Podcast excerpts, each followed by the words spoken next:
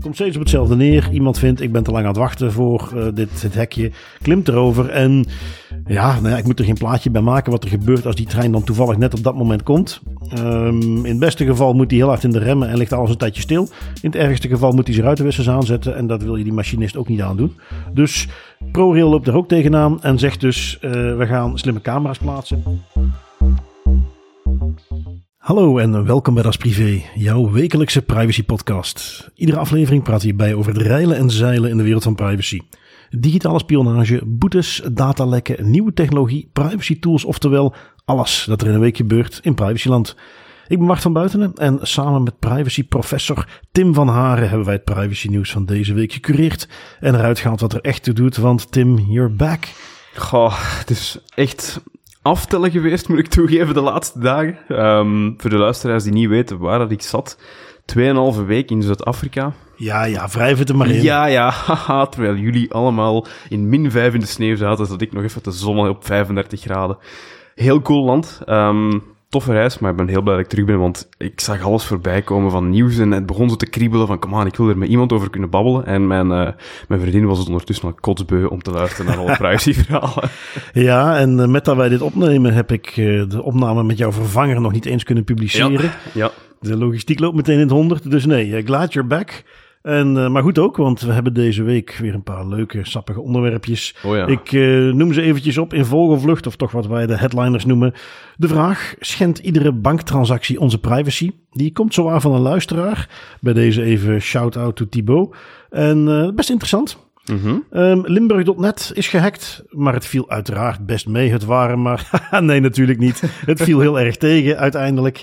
Amerikaanse locatietoestanden, locatiegegevens die overal terug te vinden zijn, wel, die vinden langzaam ook hun weg naar Europa. Microsoft is serieus gehackt, daar wil ik toch eventjes bij stilstaan. Onze klein beetje aanleunen tegen wat meer security topic van deze week. En we hebben natuurlijk nog autoriteitenactie, uh, een paar privacy pointers. Dus uh, we vliegen er meteen in met, ja, ik heb een beetje meegenomen in ons update stukje. Hmm. Nog geen full-blown topic, want het is nog developing. Um, maar ik kreeg op een gegeven moment een mailtje van uh, Thibaut. En Thibaut, die wees mij op iets wat ik al heel vaak had gezien. En waarbij ik me toen hij dat vroeg eigenlijk dacht van verdorie, waarom heb ik daar nou... Ja, heb ik daar nou zelf nooit over nagedacht? Um, waar gaat het namelijk om? Is jou alles opgevallen, Tim, dat op het moment dat jij op je bankafschriften kijkt digitaal tegenwoordig. Als jij geld krijgt, dan staat er ook al het adres van de betaler bij. Ja, ja, dat klopt. Waarom? Dat is een heel goede vraag waar ik het antwoord schuldig moet blijven. Ja. Um, ja, dat is, ik, moet, ik kan alleen maar zeggen dat dat een heel goede vraag is, want dat lijkt mij niet logisch. Dat lijkt eigenlijk helemaal niet noodzakelijk. Nee, hè? waarom zou, waarom zou dat erop moeten staan? Ja, inderdaad. Nou, de, ik had dus hetzelfde uh, facepalm toen ik dacht van, Ja? frek, uh, hij heeft een fantastisch punt, want ik zei, vroeg het eerlijk gewoon aan vragen aan mij van, goh, uh, ja, jullie zullen dat wel weten, waarom is dat eigenlijk? En ik zou denken van, goh, nou, Thibaut, um, nee, dat weet ik niet. Nee, nee. Dus ik dacht, nou dan gaan we eens eventjes in. De KBC heeft zo, ja, je kunt niet meer anders tegenwoordig. Uh, een, een assistent, uh, zo'n chatbot. Kate. Kate, ja. Daar moet je doorheen. Ja. Dus ik dacht, oké, okay, goed, we stellen Kate die vraag. Nou, Kate komt dan vervolgens aan met hoe moet je inloggen op je KBC Touch account, weet ik veel wat het was. Compleet irrelevant natuurlijk. Dus dan gaan we de klassieke korte berichtje sturen. Ik wil een mens. Dan krijg je toch iets bedankt, over, Kate. ik wil een mens. En dan op een gegeven moment, ja, wil je, zal ik het doorsturen naar KBC Live? Dan Ja. de echte helpdesk. Doe dat, Kate. Um, vraag wordt doorgestuurd naar KBC Live. Ja, je voelt hem al komen. Ik, ik voel me heel soms, ergens een heel klein beetje, heb ik ook zoiets van, ja, dan ga ik weer iemand die daar totaal niks mee te maken heeft, lastigvallen met zo'n vraag. Ja. Um, nee, je snapt wat er gebeurt. Uh, eerste antwoord is van, uh, ja, dat moet nu eenmaal. Nee, terugsturen, ja, dat is, dat is tof, maar waarom, eigenlijk? Ja.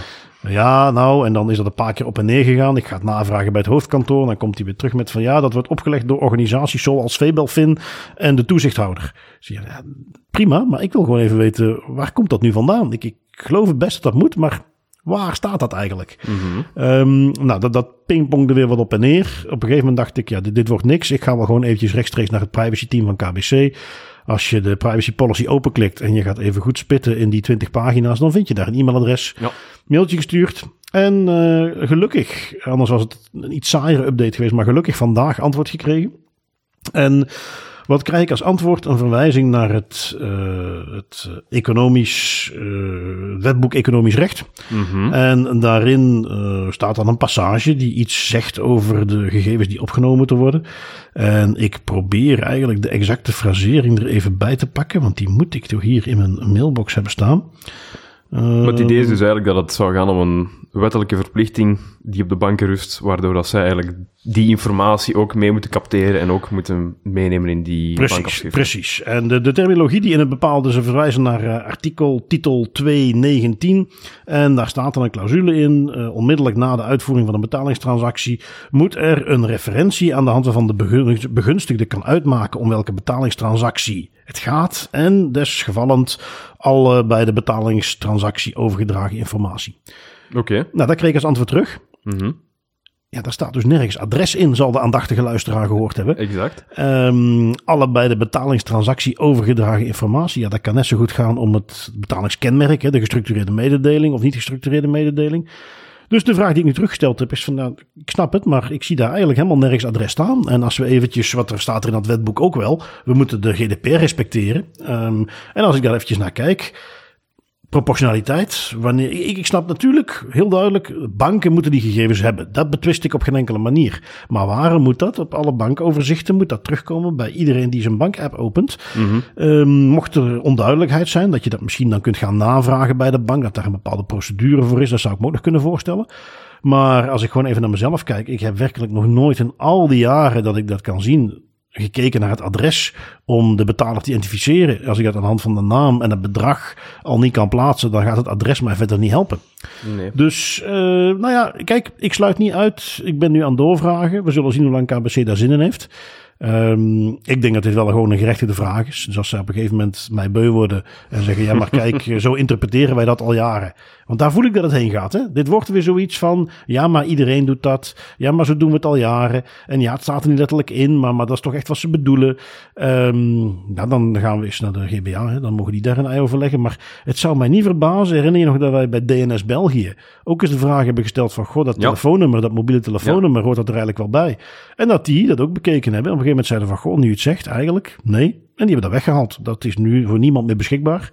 Ik ben benieuwd of we hier eh, in betalingsland ook zoiets voor elkaar kunnen krijgen. Het zou interessant zijn. Uh, en wie weet dat we in ieder geval uh, als ergste uitgangspunt uh, kan ik Thibaut straks een antwoord geven van nou kijk, dit is de wettelijke reden waarom het eigenlijk moet.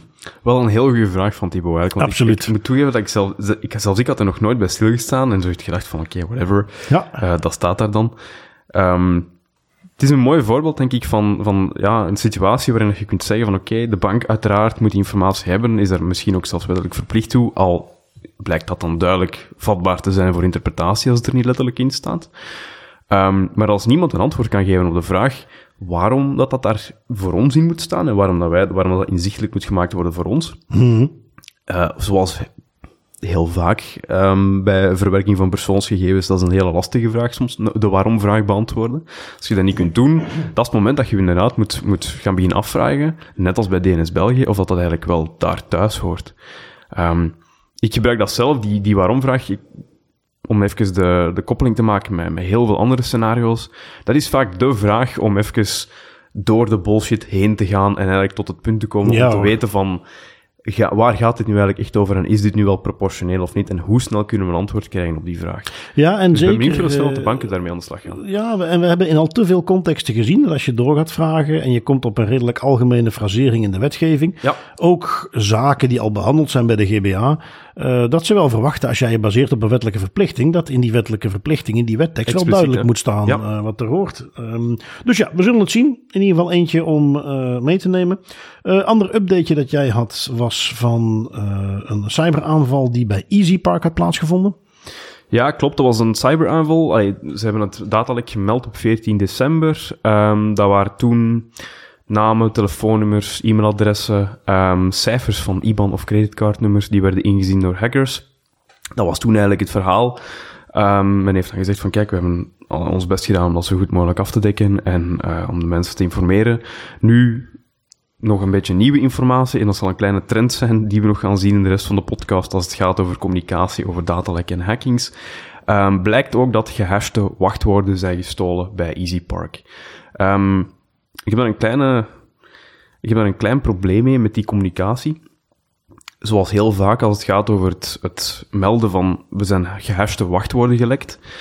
Um, men gaat er dan automatisch vaak vanuit dat het gaat over iets wat dat niet echt een probleem is, want het gaat toch over gehashte wachtwoorden. Wat is dat nu? Dat is geen enkel probleem. Um, het probleem is daar dat je sterk afhankelijk bent van welk type hashing-algoritme dat je gebruikt. Hè. Je hashing-algoritme bepaalt simpelweg hoe sterk um, dat je bestand bent tegen een aantal aanvallen om dan toch alsnog die wachtwoorden te gaan, mm te gaan terugvinden. Uh, wat het hele doel is van hashing, om dat niet te kunnen doen, retroactief dingen terugvinden. Um, dus dat is iets wat ik vaak mis en wat ik hier ook mis, is de vermelding van het type hashing-algoritme. Want als dat gaat over een algoritme dat 10, 15 jaar oud is, 20 jaar oud, um, dan is dat helemaal, dan is dat een heel ander verhaal dat je brengt dan dat je zegt, ja, wij gebruiken hier de modernste algoritmes en wij zien er geen probleem. En hebben ze die info nu gegeven? Nog niet. Ah, dus, dus dat is het ding. Ze zeggen gewoon simpelweg, er zijn ook gehashte wachtwoorden gestolen, maar ze vergeten daar dan te vermelden um, om wat voor soort hashing-algoritme het gaat. Oké, nou, nice. Oké, wachten tot dat naar buiten komt dat het eigenlijk niet slecht, niet goed gehashed is. Um, voor de rest, en ja, misschien had ik hiermee moeten beginnen, maar goed, in onze run sheet staan ze nu allemaal wat lager op. Um, ik moet het even hebben over giveaways. Ten eerste over de t-shirts. Daar, mm -hmm. uh, ja, met dat we natuurlijk ook even een paar weken off the air waren, um, heb ik daar wel wat reacties op gehad. Om precies te zijn, veel meer dan ik eigenlijk had voorzien om er weg te geven. maar we hebben er, uh, ik had er twaalf om weg te geven. Dat is meteen gelukt. En nog een heel aantal die uh, daarna binnenkwamen. Um, ja, bij deze kan ik dus meegeven. We hebben geen t-shirts meer weg te geven. Um, ik heb er eentje ondertussen al fysiek bezorgd aan iemand. Ik had op een aantal andere plekken gedacht, eens even kijken of ik dat kan combineren met als ik ergens heen moet rijden. Um, dat is in de praktijk niet gelukt, dus ik ga ze gewoon alsnog met de post opsturen. Okay. Dus iedereen die ja. luistert en die van mij al een berichtje heeft gehad dat ze uitverkoren zijn, uh, weet dat ik het op de post ga doen. Uh, mocht ik je adres nog niet hebben, ga ik dat eventjes individueel navragen. Maar die komen er dus zeker aan. Um, nog een kleine giveaway. Zoals je weet, uh, wij werken veel samen met het Data Protection Institute. Mm -hmm. uh, dat was ook op de laatste Privcon-conferentie. Hadden zij ook het, het avondgedeelte georganiseerd. Um, uh, zij organiseren weer iets, iets nieuws. Uh, iets wat ze recent hebben opgestart. Dat heet Stay Tuned as a CISO. Ik denk een heel aantal luisteraars die kennen de Stay Tuned as a DPO al.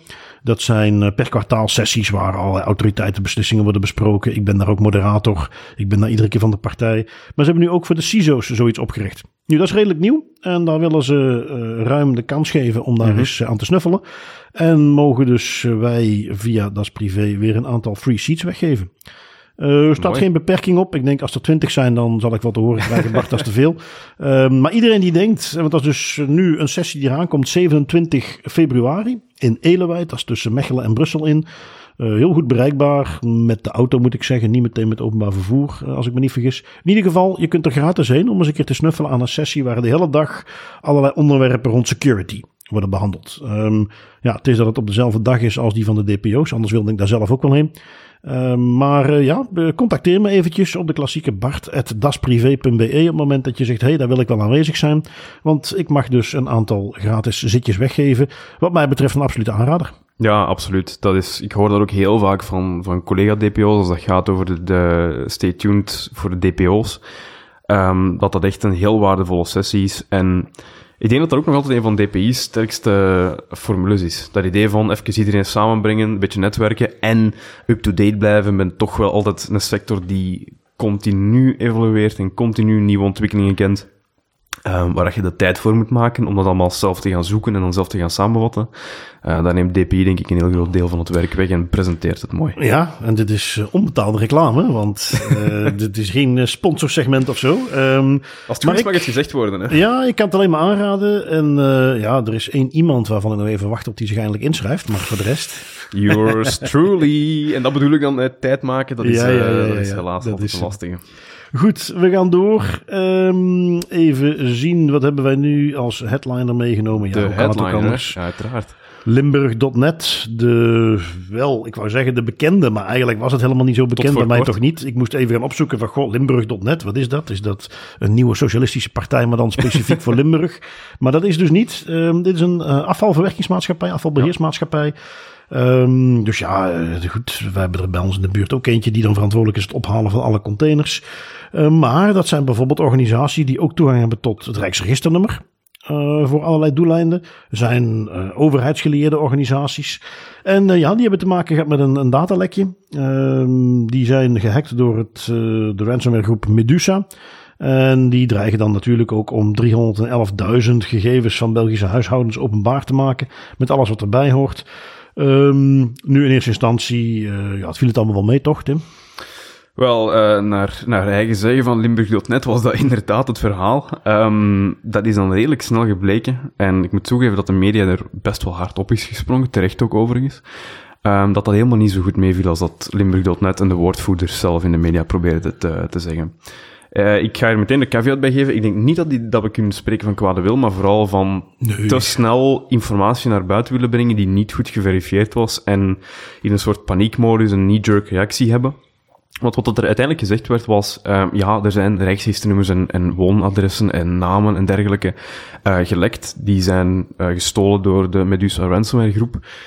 Um, maar het gaat hier over verouderde data van jaren geleden, Um, we hebben geen aanwijzing dat die data misbruikt wordt. Het is in handen van een ransomware groep, jongens. Hoeveel meer aanwijzingen heb je nog nodig dan het feit dat jouw naam en jouw organisatie op de blog van Medusa staat? Ja. Uh, maar ik vond vooral het idee van, het gaat hier over verouderde data, vond ik een frappant argument, want het gaat over data dat voor de meeste mensen redelijk stabiel blijft. Een rechtsregisternummer, adres, dus er zijn mensen die misschien om de tien jaar is verhuizen, maar de gemiddelde Vlaming doet dat niet. Dus twintig jaar geleden was dat nog altijd relevant. Nu is dat nog ook relevant. Ja, ja. Dus ik vind dat heel bizar.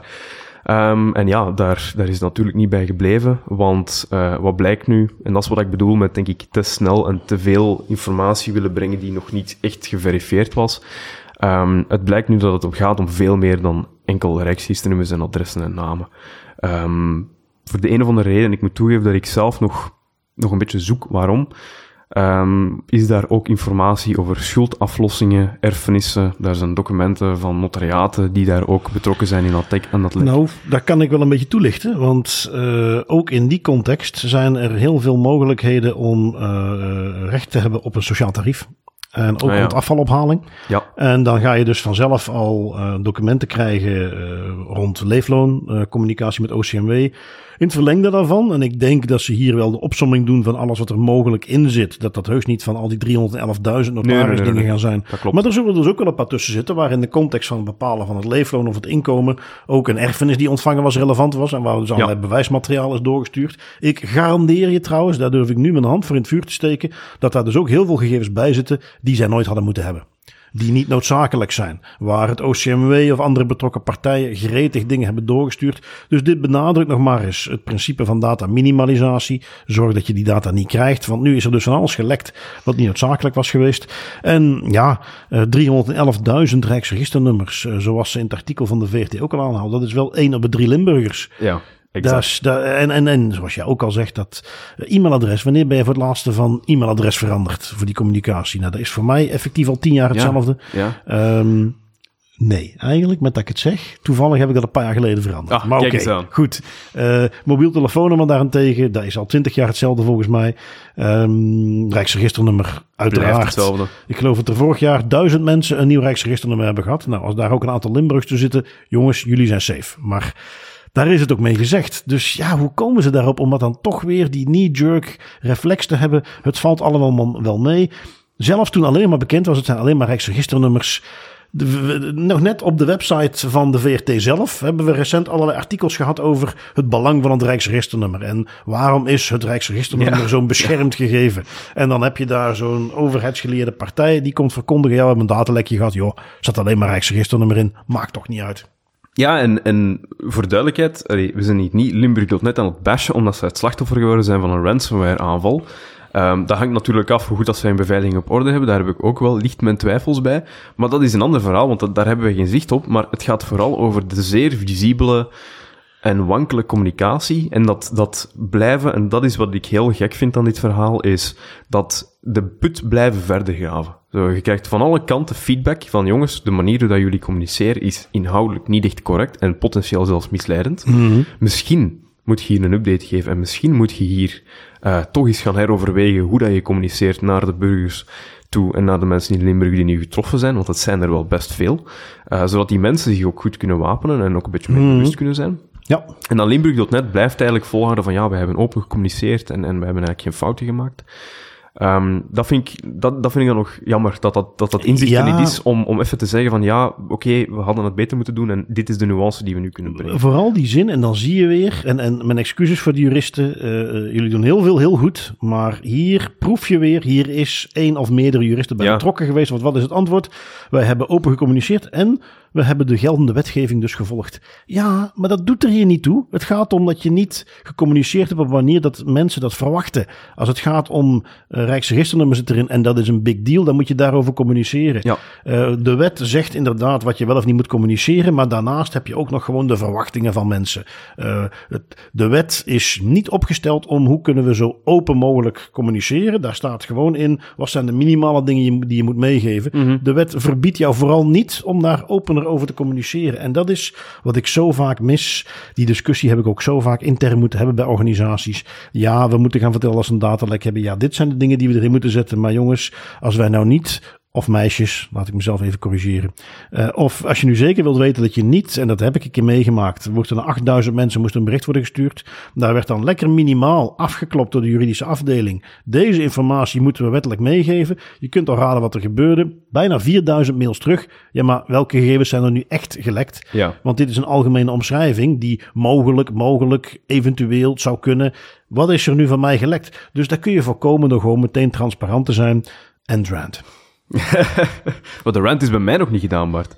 Uh, want het, het, ze hebben, en dat moeten we ze wel nageven, ze hebben nu wel een, uh, ze hebben een persoonlijke brief gestuurd naar alle betrokkenen, waarin dat ze zeggen van, um, en ik, ik moet nog een kopie zien of een, in, ja, de brieven die moeten nog opengedaan worden, want die zijn recent pas verstuurd, dus ik ben aan het wachten op de eerste brief die dan eens online wordt gezet, van kijk, dit is wat ik heb gekregen, om eens te zien hoe dat dan nu eigenlijk mm. verwoord staat, want naar eigen zeggen, volgens Limburg.net, is het wel zo dat daar per brief wordt ingezet uh, om welke categorie persoonsgegevens het gaat, wat het er, in welke mate dat jij slachtoffer bent van die hack als burger. Uh, wat dat goed is, dat ze dat zo specifiek doen, maar opnieuw de redenering erachter van waarom zo lang wachten, um, begrijp ik niet. Want ze zeggen daar simpelweg in het VRT-artikel, um, de intercommunale vindt dat zulke details niet aan de grote klok gehangen moeten worden. Dat is een klein beetje te laat als een ransomware groep u op de blog heeft gezet en de klok heeft laten tikken tot op het punt dat ze dan die gegevens toch mhm. publiek gaan maken. Ja. Of op de een of andere manier gaan releasen. Dan kan je eigenlijk niet meer zeggen van ja, voor de burgers te beschermen op de een of andere rare manier, gaan we toch dan niet aan de grote klok, klok hangen. Dat moment is gepasseerd. Op dit moment heb je echt geen keuze en moet je daar gewoon heel transparant ja, en duidelijk over zijn. Kijk, uh, soms is het moeilijk. Ik bedoel, kennelijk de stad Antwerpen weet nu nog steeds niet wat er precies gelekt is. ja, um, maar, maar... Ik passen mee met de stad Antwerpen, dat is echt... Nee, nee, nee, nee hier ook niet. Goed, over naar iets anders. Yes. Um, ProRail in Nederland die gaat slimme camera's plaatsen aan de spoorwegovergangen. Um, ja, ProRail in Nederland, eh, Infrabel zou het equivalent zijn hier in België. Dus de infrastructuurbeheerder van de spoorwegen. Mm um, waar we hier in België ook al, al plat gegooid zijn. Zeer terecht overigens met de campagnes tegen mensen die het spoor oversteken. Ja. Um, want ja, ik, ik, en dat, dat speelt al, al jaren. Ik heb zelf, uh, dat is ondertussen waarschijnlijk al 15 jaar geleden, een projectje gedaan bij Infrabel. Toen al was die afdeling waar ik werkte ermee bezig om die reclames te maken. Um, en dat is in de jaren natuurlijk niet veranderd. Um, nou, ieder jaar publiceren ze statistieken uh, over hoe vaak het dat nog fout gaat. Komt steeds op hetzelfde neer. Iemand vindt, ik ben te lang aan het wachten voor uh, dit, dit hekje. Klimt erover en... Ja, nou ja, ik moet er geen plaatje bij maken wat er gebeurt als die trein dan toevallig net op dat moment komt. Um, in het beste geval moet hij heel hard in de remmen en ligt alles een tijdje stil. In het ergste geval moet hij zijn ruitenwissers aanzetten en dat wil je die machinist ook niet aandoen. Dus ProRail loopt er ook tegenaan en zegt dus, uh, we gaan slimme camera's plaatsen. Waarom haal ik hem hier dan aan? Um, op tweakers.net had ik het artikeltje gezien.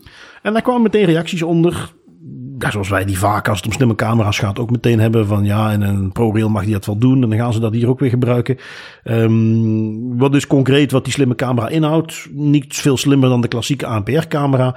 Uh, want ik dacht eerst eventjes van, oh jee, gezichtsherkenning, voetgangers identificeren, gaat dat wel nut hebben? Maar nee, echt gericht op de kentekenplaten. Dus gaat hier om voertuigen, brommers, uh, auto's, noem maar op, mm -hmm. die het spoor overgaan. Dus niet individuen, zo is het in ieder geval niet uh, meegegeven. Want daar zou ik me dus de vraag stellen stellen, ja, wat gaat die camera oplossen? Tenzij er een mooie database met gezichtjes aan gekoppeld wordt. Is dus niet wat ze hebben aangekondigd. Het gaat louter om het detecteren van de nummerplaten. Die worden dan vervolgens door een bijzonder opsporingsambtenaar worden die bekeken. Uh, wordt ook door hen zelf eerst bekeken, is hier sprake van een overtreding? Um, en goed, indien ja en ja, dan wordt er een boete uitgestuurd. Ik zou bijna zeggen, hier lijkt mij niks mis mee. Ja, ik, uh, ik was aan het wachten op, de, op het moment dat we gingen zeggen van ja, dit en dit loopt goed, maar dit, daar gaat het fout en dat is niet gekomen. Um, ik denk voor de simpele reden dat je hier kunt spreken van ja, een bepaalde proportionaliteit en een, en een, een duidelijke reden waarom dat je dat wilt doen. Ja. Uh, wat dat ook een beetje in verhouding staat met de plaats van die camera's. Um, het is natuurlijk de vraag, gaat men die camera's dan binnen vijf jaar ook gebruiken voor iets anders? Dat is altijd de, de vrees een klein beetje, want hoe meer mm. camera's er geplaatst worden, hoe aantrekkelijker dat dat wordt voor andere instanties. Ah, want daar kunnen we dan toch bepaalde dingen gaan bekijken die we met onze huidige systemen niet kunnen doen. Dus we gaan die, gaan die beelden ook binnentrekken. Um, maar op zich is dat niet een argument dat, denk ik, dergelijke plaatsing van camera's in de weg mag staan. Er is een andere manier om dat aan te pakken, om dat ook organisatorisch af te bakenen. Nee, en, en wat je hier, uh, kijk, wat hier niet specifiek benoemd wordt in het artikel, uh, wat natuurlijk dan de, de kanttekeningen zijn, uh, op het moment dat zo'n slimme camera van allerlei dingen filmt, dus er zijn algoritmes die er prima voor kunnen zorgen dat ja. de gezichten op die camera zelf al worden geblurred. Dus dat ja. je die niet hoeft te zien. Uh, op het moment dat ook weer aan de hand van een algoritme wat op die camera zelf kan draaien, wordt gedetecteerd: oké, okay, hier is geen situatie geweest die we moeten gaan bijhouden. Mm -hmm. Al die beelden moeten dus eigenlijk op die camera zelf of misschien meteen al verwijderd worden. Nou, dat soort dingen, daar gaan we natuurlijk vanuit dat ze dat op de goede manier doen. Maar uh, dit is nou eens een keer een implementatie. En vooral ook wat je aanhaalt, inderdaad, die proportionaliteit. Hier is aantoonbaar hoe vaak dit fout gaat, hoeveel problemen dit veroorzaakt. Dit is een, ook nog eens een hele beperkte context. Zet het inderdaad zo op dat als er over een paar jaar iemand denkt van... hé, hey, maar ik zou die beelden ook wel hiervoor kunnen gebruiken... dat het antwoord van ProRail moet zijn van ja, jammer... want we wisten dat meteen als er niks te melden valt. Ja, ja. Nou, ja, dan heb ik daar niks op aan te merken. Nee, ik ook niet. En, en exact, um, dat kan ik alleen nog maar even onderstrepen... voordat we overgaan naar het volgende, maar... Um, puur vanuit mijn praktijkervaring ook, als het gaat over mogen we ergens een camera plaatsen of niet. Het idee van uh, on-edge, dus op het device zelf, dingen gaan doen, zodat je eigenlijk de beelden niet nodig hebt, maar gewoon de informatie die uit dat beeld komt. Uh, dat is een, in mijn ogen een heel sterk argument om ergens toch een camera te kunnen of mogen plaatsen. Mm, ja. Als je zegt van, want uiteindelijk gaat het niet over het beeld. We willen niet weten wat voor kleur dat die auto heeft, of welke personen dat over dat spoor lopen. Het gaat gewoon over de nummerplaten. Dus daar is on-edge inderdaad, on-edge computing, zeker met de camera's vandaag de dag, die worden ook alleen maar beter en beter. Uh, een heel interessant alternatief. Ja, ja en uh, nu moeten we alleen maar wachten tot wanneer ProRail binnenkort aankondigt van goh, we willen eigenlijk ook die voetgangers die dat doen gaan detecteren oh, en we gaan ja. die camera's daarvoor inzetten. Ja. Maar hey, daar hebben we de DPO bij ProRail uh, hopelijk voor. Um, gaan we door naar een, een andere klassieker. Uh, die we tot nu toe voornamelijk hebben meegenomen in de context van Amerikaanse situaties. Namelijk databrokers die locatiegegevens van Jan en Alleman ter beschikking stellen. Um, daar hebben we al, al tig artikeltjes meegenomen dat iemand in Amerika op een gegeven moment erachter kwam van ja, ik kan, gelet op de ontwikkelingen die daar al niet meer zo recent zijn, maar alles rond abortussen, ik kan bij dat soort databrokers data opvragen van wie er in de buurt van zo'n of in, de, in zo'n gebouw van een abortuskliniek is geweest. Dat is al allerlei gevoelige gegevens en dat kan ik zo voor 100 dollar een hele dataset kopen. Nou, die dingen hebben we allemaal voorbij laten komen. Waar gaat dit nu over? Op tweakers.net hadden ze daar uh, wat artikeltjes over recent. Um, de journalisten achter bij RTL, uh, RTL Nieuws in Nederland ja, een beetje vergelijkbaar met VTM in België. Mm. Die komen regelmatig. Dat zit op de, op de data-afdeling of de security-afdeling. Daniel Verlaan is een bekende naam van iemand die daar ook werkt. Doen ze vaak interessante dingen. Ja, doen nou, dingen, hè? Nu hebben ze uh, weer zoiets gevonden. Ze zijn namelijk eens een keer gaan kijken. Kunnen wij dat soort gegevens ook over Nederlanders terugvinden? Nou, niet zomaar Nederlanders dan. Uh, die arme John van den Heuvel, die hangt er altijd aan, de misdaadjournalist. Want nu hebben ze ook gekeken, kunnen wij bijvoorbeeld zijn adres terugvinden? Um, en ja, dan blijkt dus dat locatiegegevens, uh, dat soort gegevens ook vrijgeven. En dat het dus inderdaad ook gegevens van Europeanen zijn. Uh, hoe komt men daar dan aan? Uh, ongetwijfeld op heel veel manieren, maar de meest voor de hand liggende zijn weer allerlei loesje-appjes die om allerlei permissies vragen. Mensen klikken gewoon op ja, ja, oké, okay, geef me nou mijn uh, flashlight maar. Of of andere dingen. Ehm, en vervolgens worden die locatiegegevens verzameld. Die komen in de grote dataset terecht die verkocht wordt. En zo kan het dus zijn dat die bekende grote Amerikaanse databrokers ook Nederlandse gegevens hebben. Ehm, nu goed, ik merk nu zelf op dat ik hem eigenlijk al een beetje aan het uitdiepen ben. Terwijl eigenlijk is het jouw artikeltje. Sorry Tim. Geen enkel probleem, je hebt dat perfect gedaan. Um, nee, nee, nee, dat, dat is, dat is oké. Okay. Uh, het enige wat ik er nog aan wil toevoegen is, um, het zijn, de reden waarom ik ze heb meegenomen, het zijn twee verschillende artikels die eigenlijk gaan over twee verschillende zaken. Mm -hmm. uh, het eerste is inderdaad uh, RTL, dat eigenlijk onderzoek heeft gedaan naar die zogenaamde kredietbureaus. Dus dat zijn eigenlijk bureaus die een beetje naar Amerikaans model de kredietwaardigheid van mensen gaan onderzoeken en dan ook die informatie ter beschikking stellen. Die, die kredietbureaus die hebben ook uh, informatie over de woonadressen van personen, van individuen. Uh, en RTL heeft gewoon simpelweg gezegd van, kijk, zoals je ook al zei, hoe gemakkelijk is het om die data te kopen? Heel gemakkelijk blijkbaar. En dus op die manier kan je, um, kan je vrij simpel informatie over bedreigde Nederlanders, dus journalisten, politici, advocaten, noem maar op. Mensen waarvan je eigenlijk snapt dat die hun woonadres niet echt zomaar willen vrijgeven en aan de grote klok willen hangen, uh, kan je dat heel gemakkelijk gaan kopen bij die kredietbureaus. Um, daarnaast, en dat is een ander artikel, het, zit een beetje bij hetzelfde, want het gaat over mm -hmm. locatiedata. Dat is inderdaad, dat zijn, um, ja, zoals dat wij ze kennen, de, de typische Amerikaanse databrokers, maar hier ook in Europa blijkt dat een ding te zijn, of meer een ding te zijn. Um, locatiedata van miljoenen Nederlanders die je gewoon kan kopen bij een databroker. In dit geval uh, ging het over, en dan moet ik eens heel even gaan kijken. Swat, ik vind de naam, ah, datarade.ai, wat -hmm. een marktplaats is voor data, een databroker.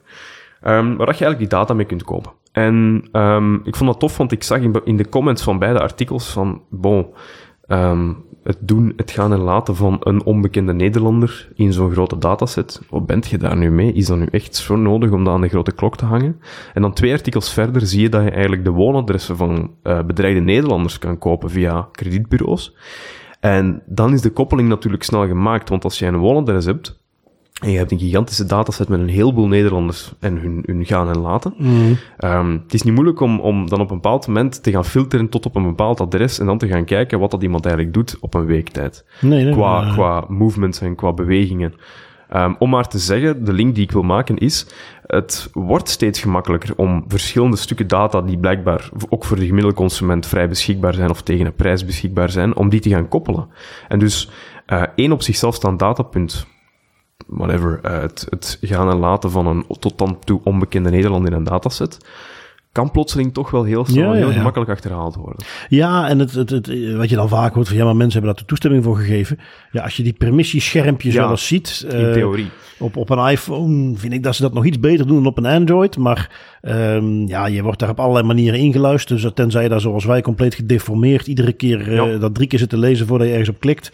Ehm, en los daarvan, als je eventjes kijkt naar... ehm, dit is een mooi iets wat, wat niet zozeer uit de... Ik ga een heel klein beetje nerden, maar je hebt de GDPR-wetgeving. En dan heb je daaraan gelieerd de e-privacy-richtlijn die we in Europa hebben. Dat gaat ook bijvoorbeeld over cookies. Ja. Daar zien we dat het meeste terugkomen. Maar dat gaat ook over eigenlijk toegang krijgen tot om het even welke gegevens van de gebruiker. Als die niet noodzakelijk zijn voor de dienst die wordt afgenomen, dan moet je daar toestemming voor vragen. En het feit of iemand wel of niet op het goede moment op een knopje heeft geduwd, dat is niet wat we moeten zien met toestemming. Dan moet er allerlei informatie over zijn. Dus voor zover dat niet al duidelijk was, die locatiegegevens, hoe die verzameld worden, is in 99% van de gevallen ook gewoon illegaal. Ehm, dus ja, iets waar eh, best actief tegen opgetreden mag worden. Eh, Wat ik er nog van kan meegeven, dat is nog nuttig. Ehm naar aanleiding van, dan gaan we even terug naar het eerste artikel over die eh, kredietinformatiebureaus. Experian, Datachecker, dat zijn zo van die typische Mhm. organisaties. Ehm, na de aanvragen van RTL en nadat RTL heeft gezegd van jongens, dit is wel heel gemakkelijk, eigenlijk een beetje schandalig gemakkelijk. Experian onder andere heeft gezegd van kijk, ehm, per 31 maart 2024, dus binnen een paar maanden, stoppen wij met hun zogeheten autotrace-dienst. En dat is dus die dienst waar je die woonadressen mee kunt, eh, kunt vrij opzoeken. Ehm, om ook maar te zeggen hoe ja, niet noodzakelijk het is om dat soort dingen te gaan ja, presenteren op de markt als het zo gemakkelijk blijkt te zijn om dat dan ook achteraf af te zetten als er lastige vragen komen. Ja, en tegelijkertijd, je hebt dat ook gezien uh, toen met die, die Amerikaanse databrokers en die Planned Parenthood, hè, die abortusklinieken. Ja, ja. Uh, je kon dan niet meer zoeken op Planned Parenthood, maar als je ging zoeken op de coördinaten zoals op de kaart staan, kon het weer wel. Hè. Dus het wordt weer Ja. even afwachten hoe, hoe moeilijk ze het nou precies hebben gemaakt. Ehm, nu goed, eh, ja, dus, dus ja, helaas eentje die wij eens niet kunnen afsluiten met Thank God for GDPR. Want ehm, ja, daar hou je de cowboys die van buiten Europa komen kennelijk niet genoeg mee tegen. Inderdaad, too close to home. Ehm, goed, wat hebben we dan meegenomen? Microsoft is gehackt. En, en dit is een klein security uitstapje, maar zometeen maak ik ook nog een punt waarom ik die desalniettemin mee, mee wilde nemen. Ja, gewoon in zijn algemeenheid, ik vind het ook, eh, dat hebben we allebei, we zijn ook veel met security bezig en het is best interessant. Maar af en toe, hè, die, die link met privacy en security is toch heel evident. Mm. Dus goed, dit is sowieso wat meer een, een security topicje. Ehm, want Microsoft is dus, is dus gehackt door de Midnight Blizzard. Ook wel bekend als APT29, ook wel bekend als Cozy Bear, ook wel bekend als Nobelium. Ehm, nou, waar heb ik het dan over? Dat is ongelooflijk. Dat zijn, ehm, kijk, alle um, uh, staatshackers, dus, dus uh, hackafdelingen van uh, overheden of andere bekende hackgroeperingen, die krijgen vaak allerlei kwalificaties, Ja. een, een naam. Ze moeten ze een naam geven. APT29 is dan de wat officiëlere term. Cozy Bear, Fancy Bear, alles met Bear is iets wat ook redelijk bekend is als namen voor Russische hackers. Nou, Microsoft dacht, we hebben nog niet genoeg van dat soort namen voor die aanvalsgroepen. Wij gaan nog eens een hele nieuwe conventie gebruiken. Maar eentje waarvan ze wel gezegd hebben, die gaan we consequent toepassen.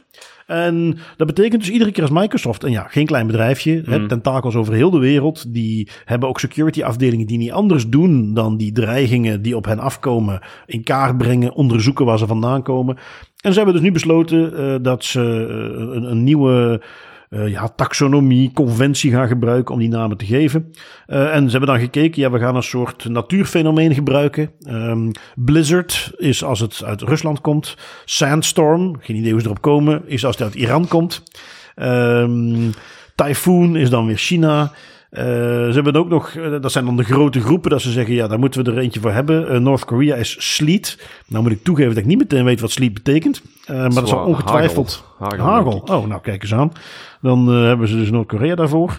Um, en ze hebben dan ook nog een paar, als het gaat om een groep die bekend staat om het feit dat ze financieel gemotiveerd zijn, zonder dat meteen aan een land te willen koppelen, noemen ze Tempest. Nou goed, wat krijg je dan op een gegeven moment? Dan krijg je dus namen zoals Midnight Blizzard, waar je uit het Blizzard-stickje dus kunt afleiden, ah, dat zijn de Russen. En Midnight is dan de, het adjectief dat ze gebruiken om deze specifieke Russen aan te duiden. Um, zo hebben ze ook Forest Blizzard, ze hebben Aqua Blizzard. Nou, zo kom je er dus bij dat je mag zeggen, Microsoft is gehackt door Midnight Blizzard. Altijd leuk om even mee te geven voor het geval dat soort namen voorbij ziet komen. Dat is dus hoe ze daar proberen een lijn in te trekken. Um, Misschien komt het door mijn, door mijn jeugd en de games die ik heb gespeeld, maar ik vind dat het Pokémon-gehalte bij dit soort benamingen wel heel, heel hoog begint te worden. Ja, ja, ja inderdaad, inderdaad. Catch them all. Nou ja, waarschijnlijk dat de mensen die in die teams daar werken, waarschijnlijk diezelfde achtergrond ja, hebben. Hè? Het heeft een heel nerdy, geeky vibe. En, en het is, het is, vind het wel cool. Ja, nee, nee, inderdaad. Um, dus goed, uh, tot zover ze zijn gehackt door Midnight Blizzard. Nu, mm. wat is er dan precies gehackt? En, en dan gaan we weer eventjes ook de link met wat specifieke privacy maken. Um, het gaat om corporate e-mail accounts. Dus uh, mm -hmm. waar moet je aan denken? Uh, senior leadership, zoals ze het zelf omschrijven. Leden van het cybersecurity team, van de legal teams. Dus ja, niet zomaar iemand. Um, nou, denk je wat voor uh, super geavanceerde aanval zat hierachter? Blijkt dat dit ergens op verouderde systemen zat. Zoals het mooi heet in IT-land legacy systems. Mm -hmm. En dat is met een mooie klassieke password spray ze er doorheen gekomen zijn. Met andere woorden, gewoon op basis van oude datalekken elders wachtwoorden gehaald hebben. Dan geprobeerd hebben op een van die oude, ja, ergens op een portal of een soort login plek stond het dan toch nog via het internet beschikbaar. Um, ja, eigenlijk dus in de context van Microsoft als, als gigantisch bedrijf met de resources die zij hebben, afschuwelijk slecht. Um, iets waar zij nu, en dat vond ik wel interessant hoe ze dat formuleerden, um, aangaven op hun eigen blog van ja, kijk, dit, nu dit gebeurd is, gaan wij zelf rukzichtloos al die legacy systemen aanpassen. Okay. Interesseert ons niet welke operationele impact dat heeft. Dat klinkt voor mij als ze hebben dit alles aan willen pakken. En toen kwam er vanuit dat senior leadership kwam er gemekker van hé hey jongens, dat Ja. willen wij niet, dat is te moeilijk, wij willen dit zo houden. waarom? Ja. Ja. En dat ze nu dus eindelijk, nu het een keer fout is gegaan, hebben gezegd: Oké, eh, nu stoppen we ermee. Interesseert ons niet of jij dan toevallig een keer opnieuw moet gaan inloggen op je iPhone. We gaan dit nu aanpassen. Ehm, dus in die zin wil ik hem meteen meegeven als tip. Um, als jij als DPO of privacy of security professional, ik ben daar ook al vaak tegen aangelopen dat we ergens een datalek hebben, dat ik meegeef, ja maar multifactor authentication had dit gewoon opgelost. Waarom is dat er nog niet? En dat er dan een beetje weifelend uitkomt van ja, maar ja, die en die en die mensen op het managementteam, mm die willen dat liever niet. Nou, hier heb je een mooi argument. Zelfs bij Microsoft is dit fout gegaan. Dus um, ja, dit, dit, kan op ieder moment, op ieder niveau kan dit fout gaan. Uh, argument dus om aan te geven van kijk, daar mag geen excuus meer zijn. Um, het doet mij ook even denken aan een. En ik blijf bij die mening. Ondanks dat dit een beetje een, een, een fail is eigenlijk voor Microsoft. Mm -hmm. uh, we hadden een recente discussie op uh, de community. Uh, waarin ja, vooral ik tegen nog een paar anderen stond. um, waarbij ik aangaf van kijk, als ik even de privacy aspecten daar laat. En ja. we kijken puur naar het security aspect dan denk ik dat jij in, in, in de meeste gevallen van organisaties, dat jij beter zit om je data bij Microsoft of bij Google neer te zetten. Want die hebben hun security gewoon beter op orde dan jij het ooit gaat krijgen. Uh, daar kreeg ik een beetje backlash op. En, en de backlash was dat dan vanuit een privacy perspectief toch? Van ja, maar toch Amerikaans? Of, of bleek het dan toch vooral dat inhoudelijk het security niet per se beter is bij Microsoft? Het argument was, uh, security is niet beter, want kijk eens hoe vaak ze in het nieuws zijn met hacks. Mijn tegenargument was van ja, nou, klopt, maar wat je niet ziet zijn alle duizenden aanvallen die ze dagelijks afslaan. Um, en dan heb ik het niet over zomaar een, een, een scannertje van een hacker die uh, IP-adresjes afloopt of die poortjes kent. Mm -hmm. Maar dus, Microsoft, met, met het soort data wat zij hebben, die hebben teams van security met duizenden mensen en die zijn effectief dag in dag uit bezig met aanvallen af te slaan. En nog even los van het feit dat, de, bedoel, ook hier weer, ook al was het op een hele makkelijke manier, dit is een, een, een uh, specifieke hackinggroep van de Russische overheid, de inlichtingendiensten, die hierachter zit, voor buiten de multinationals. En opnieuw eventjes het privacy aspect van ja, maar het zit bij de Amerikaan. Als ik dat even negeer, dan denk ik dat je eigenlijk niet veiliger kunt zitten dan, dan bij Microsoft of bij Google in hun cloud. Uh, dan dat je zelf je eigen infrastructuur gaat beheren, je eigen exchanges voor oh, nee, de mail nee, nee. gaat opzetten. Uh, nou, daar ging de discussie een beetje over. Nee, nee, nee. Zeker als, het, zeker als de vergelijking gaat over on-premises alles zelf gaan beheren. Ja, ja, ja. Uh, los van het kostenplaatje. Um, maar alleen al in België, en dan spreek ik gewoon over puur mijn eigen ervaring, um, de hoeveelheid bedrijven die vandaag de dag nog altijd struggelen om iemand te vinden die inhoudelijk een klein beetje competent is op het gebied van cybersecurity en dat dat dan ook ja. binnen de organisatie ja. kan dragen. Dat is al een gigantische roadblock om on-premises een goed verhaal te kunnen starten. Want ja, je hebt de componenten natuurlijk, de servers en je moet het allemaal maar doen. Maar dan moet ook mensen hebben die dat inhoudelijk kunnen dragen en dat ook kunnen opvolgen dag in dag uit. Daar ja, zou het al fout en, lopen. En, en nog, nog niet eens alleen maar mensen die het in hun eigen datacentje helemaal zelf beheren. Maar ik zou zelfs zeggen bij de doorsnee IT-service provider waar je het uitbesteed hebt. Ja, ja. Dan dat je nog steeds beter zit bij een Microsoft en een Google uh, voor dit soort diensten. Nu goed, daar ging de discussie wat over. Um, meningen op en neer. Ik blijf met mijn standpunt. En, en, en uh, zij, mensen met wie ik aan het praten was, mogen ook zeker vinden dat Microsoft niet veiliger is. Uh, goed recht. Uh, maar ik mm -hmm. vond het interessant om even mee te geven dat die discussie speelde. Dus als ik dat verkondig, weet dan ook dat er een aantal zeker mensen zijn die het daar niet mee eens zijn. Um, nu goed, um, we laten Microsoft even achter ons. We gaan ietsjes dichter bij huis, namelijk naar Duitsland. En uh, Tim, je hebt een artikeltje meegenomen waar ik niet het gras voor jouw voeten ga wegmaaien. uh, van security.nl, waar een Duitse ethisch onderzoeker 3000 euro boete moet betalen voor zijn onderzoek. Hoe zit dat? Ja, dat, was, dat is een, uh, een jammerlijk geval waar ik stiekem benieuwd naar ben, naar jouw mening daarover. Um, dus het is een Duitse beveiligingsonderzoeker. Die uh, is een programmeur, die man. En die, um, die heeft een, een um, probleem gevonden in een bepaald organisatie. Um, er waren, simpel gezegd kwam het erop neer dat er wachtwoorden tot, om de toegang te krijgen tot de database-omgeving van een organisatie. Die waren hardcoded in, uh, ik denk dat het SQL mm -hmm. uh, kolen was. Dus ja, domme fout, om heel eerlijk te zijn. Die man die heeft, dat dan, ook, die heeft dat dan ook gezien. Um, en daar heeft hij een keuze gemaakt die hem uh, ja, een kostenplaatje van 3000 euro heeft opgebracht. Namelijk, hij heeft gebruik gemaakt van het wachtwoord in die database-omgeving om uh, toegang te krijgen tot de database-omgeving. Om dan te gaan kijken van, oké, concreet, hoe gevoelig is dit nu eigenlijk echt, dit lek, uh, dit incident? Um, hij heeft dat gemeld aan, aan de organisatie. Die organisatie heeft gezegd, dankjewel, wij gaan hiermee aan de slag heeft ook vervolgens in zijn uh, communicatie naar, naar zijn klanten toe gezegd, uh, er is een ethische hacker die ons heeft geholpen en die ons bewust heeft gemaakt van het feit dat wij met een lek zaten. Uh, we hebben dit gedicht. Wat ze niet hebben meegegeven in die communicatie naar buiten toe, is dat ze diezelfde ethische hacker dan natuurlijk voor de rechter slepen en hebben gezegd van, kijk, merci voor het te melden, maar je bent eigenlijk beetje over de schreef gegaan met uzelf toegang te laten verschaffen tot die databaseomgeving. Het had voldoende geweest als je ons gewoon had, ge, had um, gemeld dat dat wachtwoord hardcoded in de SQL-code uh, zat. Ik vind dat, ik heb, er, ik heb daar een heel van gevoel bij. Um, die man heeft, voor de duidelijkheid, dat is ook gebleken in het onderzoek, geen misbruik gemaakt van die toegang. Hij heeft gewoon toegang verschaft om te kijken, waar zit ik dan eigenlijk Mhm. eens ik voorbij die poort ben. Ja. Heeft daar geen, heeft daar niks uit gestolen. Hij is daar ook niet gaan rondsnuisteren. Um, dus al bij al is de schade zeer beperkt. En toch is de rechter daarin meegegaan heeft de rechter gezegd, ja, juridisch technisch gezien in Duitsland uh, had die man dat niet moeten doen en had hij moeten stoppen bij het vinden van het wachtwoord in de code en dat had, had hij dat gewoon moeten melden en daarmee was de kous af.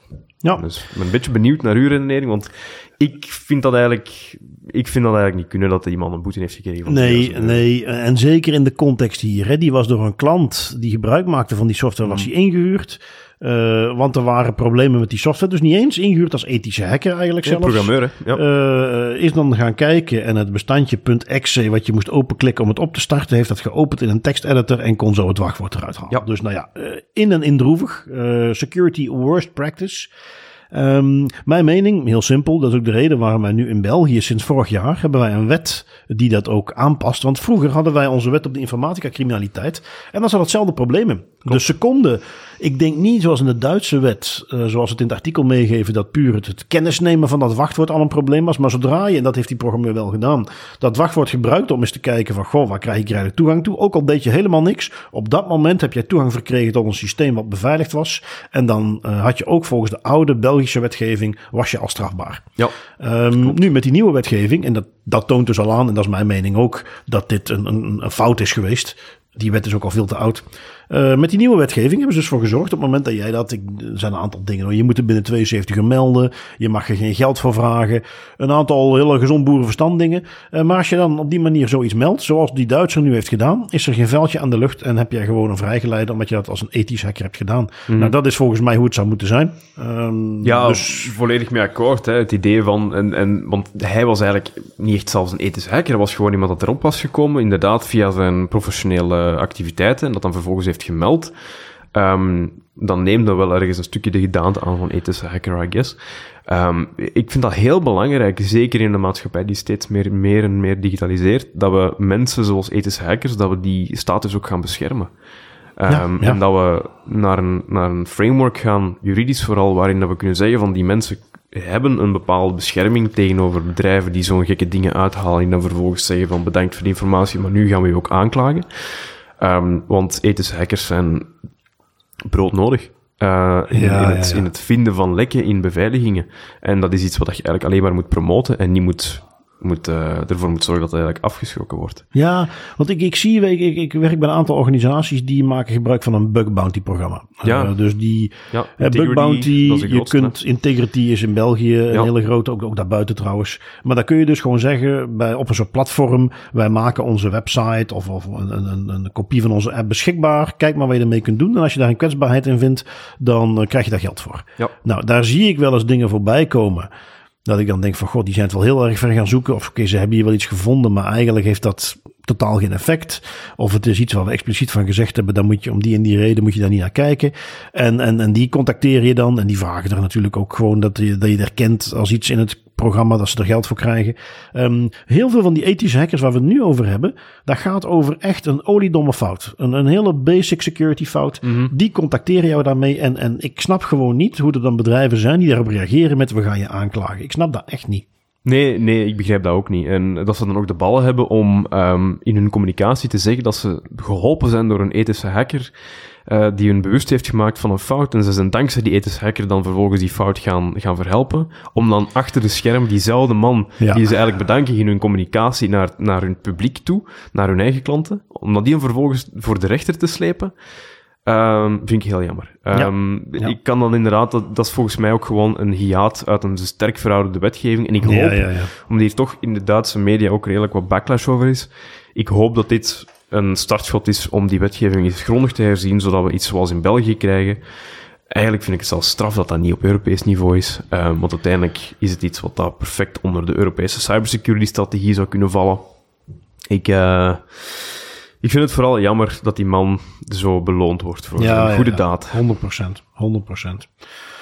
Goed, uh, gaan we door. En ja, alsof het nog niet erg genoeg is dat je dat in het begin er al ingevreven hebt, wilde jij toch ook nog eventjes uh, een, een, een privacy-bemerking meegeven? Want jouw privacy-pet gaat natuurlijk niet helemaal af nee, als je die nee, vervangt met een safari-pet. Wat heb jij geconstateerd in Zuid-Afrika dat je dacht van kijk, toen was ik toch weer eventjes helemaal in privacy? we waren, um, er zijn heel veel momenten dat ik, dat ik allez, mijn privacy pet even heb opgezet. Want mhm. Zuid-Afrika, voor de mensen die dat niet weten, is de laatste jaren er sterk op achteruit gegaan op het vlak van veiligheid. Er is zeer veel criminaliteit.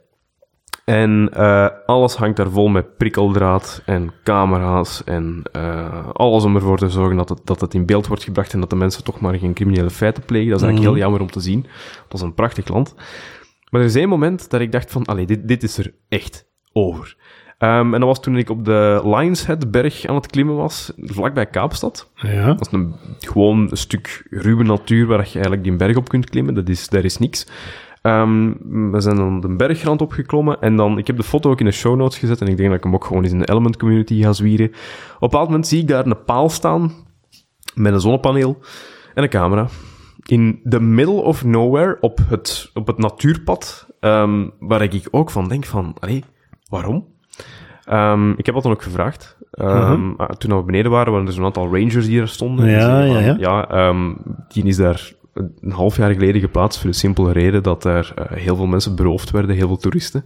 Och. Ja, dus uh, blijkbaar mensen die gewoon stonden te wachten halverwege de mountain trail en die dan zeggen van ja, kom geef de portefeuille maar af. Wow. Hebben we dan een camera geplaatst en sindsdien gebeurt dat niet meer. Dus huh. het idee van privacy, um, dat, dat, is daar, dat heeft dan een gigantische ja, terugstap genomen, want ze zitten daar met een groter probleem. Maar ik vond dat heel frappant om te zien dat je midden in de natuur een camera hebt die daar staat en die je staat te filmen. Ja. Ook heel bizar. Ja, ja, nee, absoluut, absoluut. En daar geldt eigenlijk een beetje hetzelfde voor, hè, want um, laten we wel zijn, ik, ik ben niet bekend met de lokale uitdagingen, maar ik durf best er geld op in te zetten dat dit niet betekent dat die criminelen die eerst daar stonden, nu dat helemaal links laten liggen. Nee, die, gaan nee, die zijn gewoon verhuisd. Ja, dus ja, wat krijg je als je er over een paar jaar nog eens heen gaat? Dan krijg je weer, of een berg camera's langs dat hele pad. Um, om, om dat misschien nog te onderstrepen, um, dat is volledig waar. Wij zijn zowel naar Johannesburg als naar Kaapstad geweest. Um, toch wel twee van de grootste steden van Zuid-Afrika. Mm -hmm. En um, dat, dat, dat fenomeen klopt volledig. Dus um, wat dat je ziet, we hebben daar met een lokale gids bijvoorbeeld in Johannesburg rondgelopen. En die, die vent die zei effectief, ja, um, wat dat we gewoon zien is dat er is een blok, heel veel criminaliteit, worden heel veel camera's geplaatst, de politie die daar ook meer gaat patrouilleren. En dan is er een ander blok waar ze naar verhuizen, waar dan plotseling het probleem naartoe gaat. Ja. Daar worden dan camera's geplaatst. En dan op, dat wordt echt zo een, een kat-en-muisspel. Uh, tussen de mensen, vaak gaan, zijn dat dan ook niet eens de politie, maar gaat het daar uh, over private contractors, dus privé-security bedrijven, oh, ja. die beter bewapend zijn dan de politie, wat dat heel raar is om te zien. Dat zijn eigenlijk ja, quasi huurlingen. Um, die dan die camera's plaatsen en alles monitoren. Maar ja, dat, de, heel vreemd. Helemaal mooi, helemaal hebben een privacy-wetgeving. Ja, ja, ja, de, inderdaad. De, de poppy uh, wetgeving, maar ik heb een beetje opzoekingswerk gedaan, omdat ik dacht van, is er een link te leggen? Maar als het over camera's gaat, is het relatief gemakkelijk. Als jij iets hebt dat um, beveiligd moet worden, en je kunt dat ook aantonen, dan moet je daar een camera plaatsen. Of dat dan nu de helft van de straat ook filmt of niet. Oh ja. Dat, uh, ja. dat is redelijk, ja, ja. redelijk vrij daar. Nu goed, uh, camera die in de woestijn de boel in de gaten houdt is één ding. Um, je kunt ook een camera hebben die een hele buurt in de gaten houdt. Dat is dat artikeltje wat jij hebt meegenomen. Uh, warmtebeeldcamera door de burgerwacht. Ja, klopt. Um, vond ik een gek artikel. Um, het is een buurtwacht in het Gelderse Neder-Betuwe. Als ik dat goed uitspreek. Betuwe. Betuwe. Dat is altijd als het gaat over Nederlandse gemeenten dat ik heel even naar Bart kijk om te, te verifiëren van am I doing this right? En duidelijk niet. Ehm, maar die buurtwacht, die, ehm, die heeft een warmtebeeldcamera drone gekocht. Ehm, waar ik... Allee, het concept van een buurtwacht vind ik op zich al interessant, want in mijn ogen zijn dat mensen die zo samen hokken in een WhatsApp-groepje en zo eens af en toe zeggen van, Ja. ja, daar loopt een kat rond, Ja, of daar, ja, allee, daar, is, daar ligt nog afval op de hoek. Deze buurtwacht, die had zoiets van, hold my beer, en die hebben gewoon een warmtebeeldcamera drone gekocht. Ehm, om dan vervolgens, ja, ik, ik kon het niet meteen terugvinden uit het artikel wat dat concreet het plan is. Ehm, maar blijkbaar hebben die mensen uit die buurtwacht een warmtebeelddrone nodig. Ehm, waarom neem ik dat mee vooral? Dat op zich is al frappant, maar ik wil de vraag ook even terug naar u kaatsen. Ik vind dat een tof eh, discussiepunt. Eh, ICT-jurist Arnoud Engelfried, die is ook op tweakers heel actief is. en, zeer en bekend eigenlijk. Zeer bekend, eh, maakt ook heel veel goede dingen.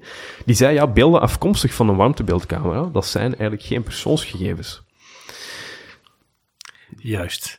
ik kan alleen maar hopen dat Arnoud zijn woorden hier gewoon uit context zijn gerukt of zo. Want, ehm, ja, en ik pak meteen het woordje context erbij, omdat dat alles bepalend is als we het hebben over eh, persoonsgegevens. Ja. Ik zal het je heel simpel zeggen. Ik heb zo'n warmtebeeldcamera die vliegt als drone over een buurt. En ik laat jou die foto zien van één iemand waar je dan het silhouet ziet van die warmtebeeldcamera. En ik laat jou dat zien. Zijn dat persoonsgegevens? Hoogstwaarschijnlijk niet. Tenzij die eh, een zeer corpulente man is, eh, die iedereen in de buurt kent, nou, dan heb je dat ook al meteen te pakken. Dus dan kan het al persoonsgegevens zijn. Dus zelfs daar gaat mijn voorbeeldje niet helemaal op. Maar als we het eventjes iets verder trekken. Ehm, stel, ik heb die warmte, eh, ik heb die drone die vliegt rond en die gaat over een huis. Ik ben de burgerwacht, ik weet precies waar het huis staat. En ik zie vervolgens op die warmtebeelden een mannelijk silhouet en wellicht een vrouwelijk silhouet. En die heel dicht tegen elkaar in een horizontale houding liggen. het is ook wat warmer op dat En op het is daar wel ja, warmer. ja. Wat denk je dat daar aan de hand is? Dus meteen hebben we het niet alleen over persoonsgegevens, maar over een bijzondere categorie aan persoonsgegevens, gevoelige persoonsgegevens. Dus context is hier alles. Ehm, maar laten we wel zijn, als jij met zo'n eh, drone over een buurt heen gaat vliegen, dan heb je gewoon de context te pakken, waarin dat, dat in veel gevallen, durf ik zelf zeggen, wel persoonsgegevens worden. Dus ehm, ja, een opmerking die ik niet helemaal kan plaatsen, moet ik toegeven. En je hebt ook gelijk, het is een klein beetje uit context getrokken, want als ik dan ga kijken naar het artikel waar dat hij in gequote wordt, Oké. ehm, daar staat inderdaad als eerste zin, hè, beelden afkomstig van een warmtebeeldcamera zijn geen persoonsgegevens, zegt ICT-jurist Arnold Engelfried. En dan maakt hij eigenlijk inderdaad hetzelfde uitstapje dat jij maakt, eh, waarin hij zegt van het hangt af van de Hmm. Context. Uh, maar hij, hij, hij blijft dat wel herhalen en, en ik vond dat een beetje grappig, um, dat hij toch zegt van kijk, een warmtebeeld laat hoger een silhouet zien. Ik snap natuurlijk ook vanuit een juridisch perspectief, ja, technisch gezien, het beeld zelf is niet per se een persoonsgegeven, want dat gaat inderdaad over het silhouet. Ja. Maar, laten we heel eerlijk zijn, een warmtebeeld ga je altijd gebruiken in een bepaalde context. Uh, dat is niet een op zichzelf staand element. Die drone Nee. wordt ingezet in een bepaalde buurt, boven een bepaald huis. Wat dat heel gemakkelijk te zien is, want je staat daarnaast, want je bent die drone aan het besturen. Um, dus Hoewel ik het snap, vind ik, vind ik het een beetje onnodig om dat te zeggen, want ja, technisch gezien is het correct, maar het, is, het zal bijna altijd in een context geplaatst worden waarin dat het verdedigbaar is dat die informatie herkenbaar wordt en dat het dus Ja, persoonsgegevens en, en laten we ook duidelijk zijn, als dan vervolgens de burgerwacht zegt, ja maar oké, het zijn persoonsgegevens, maar het past binnen ons mandaat als burgerwacht dat wij soms over een huis heen vliegen en zien dat mensen aan het batsen zijn. Nee, dat hoort zeker niet binnen jouw mandaat. Daar heb je niks mee te maken. Dus uh, nee, dat wordt een grote no-no, denk ik, die uh, warmtebeeldcamera. Inderdaad. Goed, datalekjes. Um, vast wel van alles. Ik heb natuurlijk de, een van de grote bij de Amerikaanse, bij Microsoft heb ik al uh, meegenomen. Je hebt nog een andere gevonden uh, die op Ars Technica voorbij kwam. Uh, 71 miljoen wachtwoorden, dus niet meteen onschuldig. Wat was er aan de hand? Uh, wel, het is onze, onze goede vriend Troy Hunt van oh. de welbekende website Have I Been Pwned. Mm -hmm. uh, voor de mensen die dat niet kennen, dat is eigenlijk een website waar je uh, ja, je e-mailadres op kan invoeren en dan checkt die website of jouw e-mailadres deel uitmaakt van datalekken die bekend zijn. Dus dat is eigenlijk een gigantische repository van bekende en gepubliceerde datalekken. Mm -hmm. um, is ook zeer interessant om eigenlijk te meten of een nieuw datalek Um, maar een kopie van ouder datalekken, want dat wordt vaak gedaan, of dat er echt nieuwe informatie in zit. En dat is wat dat Troy Hunt hier uh, zegt van, kijk, ik kijk, elke week krijg ik van die datalekken en databases op dark web fora te zien. Meeste waar ben ik niet echt van onder de indruk, omdat het dan gaat over ja, 80 of 90 procent kopieën van, data's, van data die wij al hebben, die al gepubliceerd was. Uh, dus whatever, oud nieuws. Hier ging het specifiek over een nieuwe database die verkocht en verhandeld wordt op dark web fora. Um, waaruit onderzoek is gebleken door Troy dat um, 65% van de um, e-mailadressen en de identifiers in die dataset, die zitten al in Have I Been Pwned. Lijkt nog veel, Mhm. maar je moet weten, de gemiddelde is, laten we zeggen, 80% Ja, ja. Dus hij spreekt hier ook van een noemenswaardige dataset, omdat het hier heel op gaat over heel veel nieuwe informatie. Ja, ja, ja, ja, klopt. Meestal is het zo 60, 70 procent, herinner ik me van de vorige Ja. keren. Dat die zegt, oh, die had ik toch al, maar eh, Ja. dan is het inderdaad heel laag, ja. Klopt. Dus dat, dat, dat wou ik nog even aankaarten. En ik vond het interessant om eens mee te nemen van die redenering. Ja, vaak gaat het over informatie die, die gewoon een dubbel is of een kopie is. Eh, en dan af en toe zie je op die dark web fora zie je eigenlijk een, een database die verkocht wordt, waar dan uit blijkt dat het gaat over toch wel best veel nieuwe informatie. Ja, ja, ja. Oké. Eh, nou, dan is het tijd voor You will respect my authority! Bring Him Home Cartman, inderdaad. Uit de autoriteiten. Ehm, je hebt de eerste meegenomen. Die hadden we voorbij zien komen. Creditcardbedrijf ICS. Want, heb ik het goed onthouden, was dat nu zo waar de autoriteit persoonsgegevens die nog eens een boetetje uitdeelt? Absoluut. En een mooie boete ook. 150.000 euro. Dat is een eh, boete die wordt opgelegd door de AP aan eh, ICS. Ik vond het een leuke.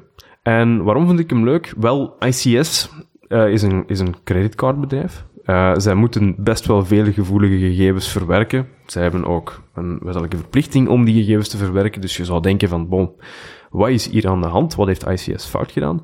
Wel, het enige wat ze eigenlijk fout hebben gedaan, is zij, ehm, zij verwerken eigenlijk persoonsgegevens zonder dat zij stil hebben gestaan bij de risico's. Hebben nooit een privacy-risico-analyse of een data protection impact assessment uitgevoerd, ook al verwerken zij gevoelige data en zouden zij dat eigenlijk wettelijk gezien wel moeten doen. Ja. Ehm, en het argument van ICS was van, ja, maar wij hebben een wettelijke verplichting, dus waarom moeten wij die, die risicoanalyse doen?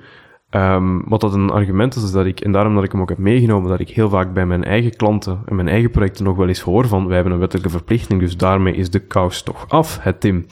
En dan zeg ik van, nee, de, de wettelijke verplichting is, is één facet. Dat is goed dat we dat hebben, dat is al Ja. tof.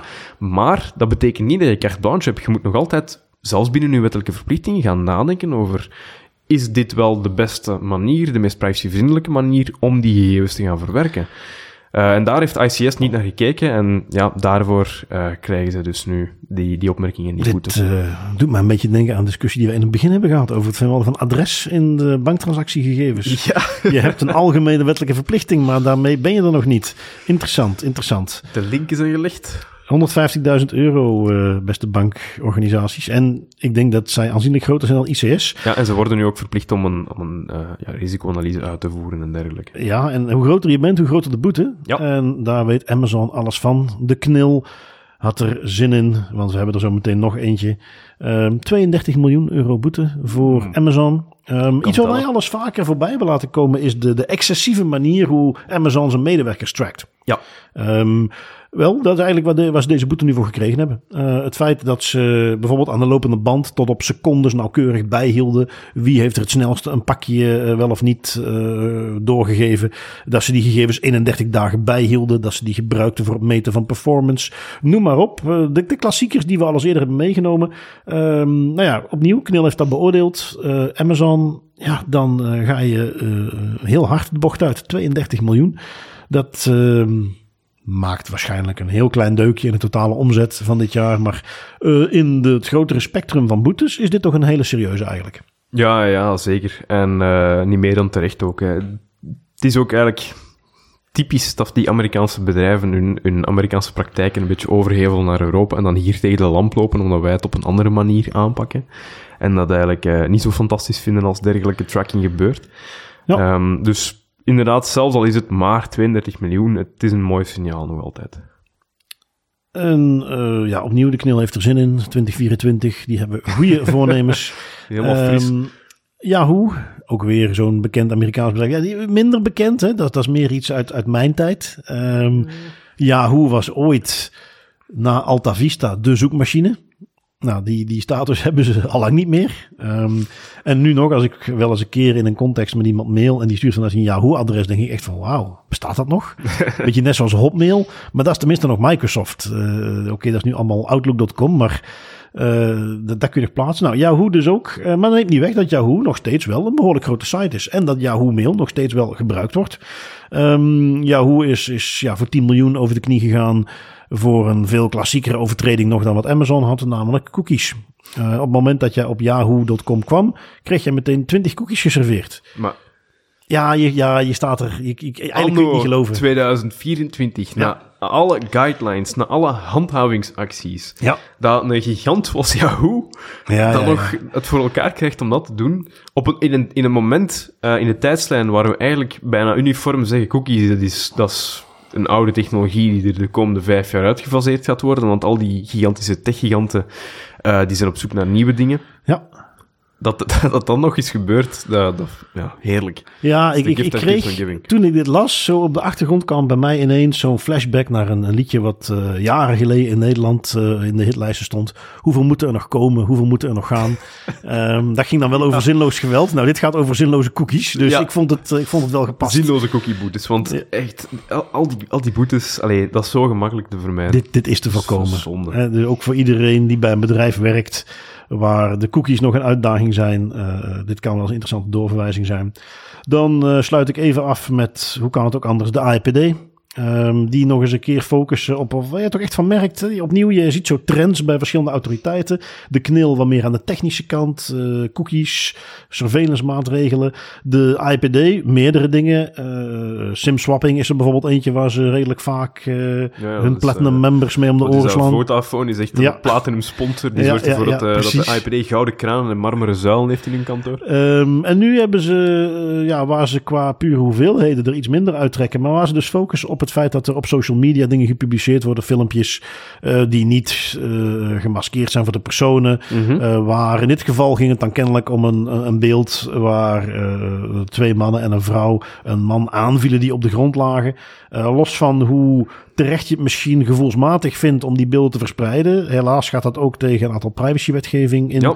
Had je dat dus gewoon, ja, in ieder geval de gezichten onherkenbaar moeten maken. Hebben ze niet gedaan. Eh, kennelijk, ja, Uniprex is een bedrijf wat dit online had gepost. Eh, in hoeverre dat dan echt, een, ja, waarom het relevant, waarom een bedrijf dat doet, dat weet ik niet helemaal. Ehm, ik heb Uniprex zelf niet even opgezocht. Misschien dat zij, eh, ja, bepaald beschermend materiaal produceren of zo. Ik weet het niet. Eh, maar in ieder geval, die hadden dat dus geplaatst. En die hebben daar een boete voor gekregen. 30.000 euro. Was eigenlijk 50.000 euro. Maar uiteraard was er weer de gebruikelijke korting voor het erkennen van schuld en het vlot betalen.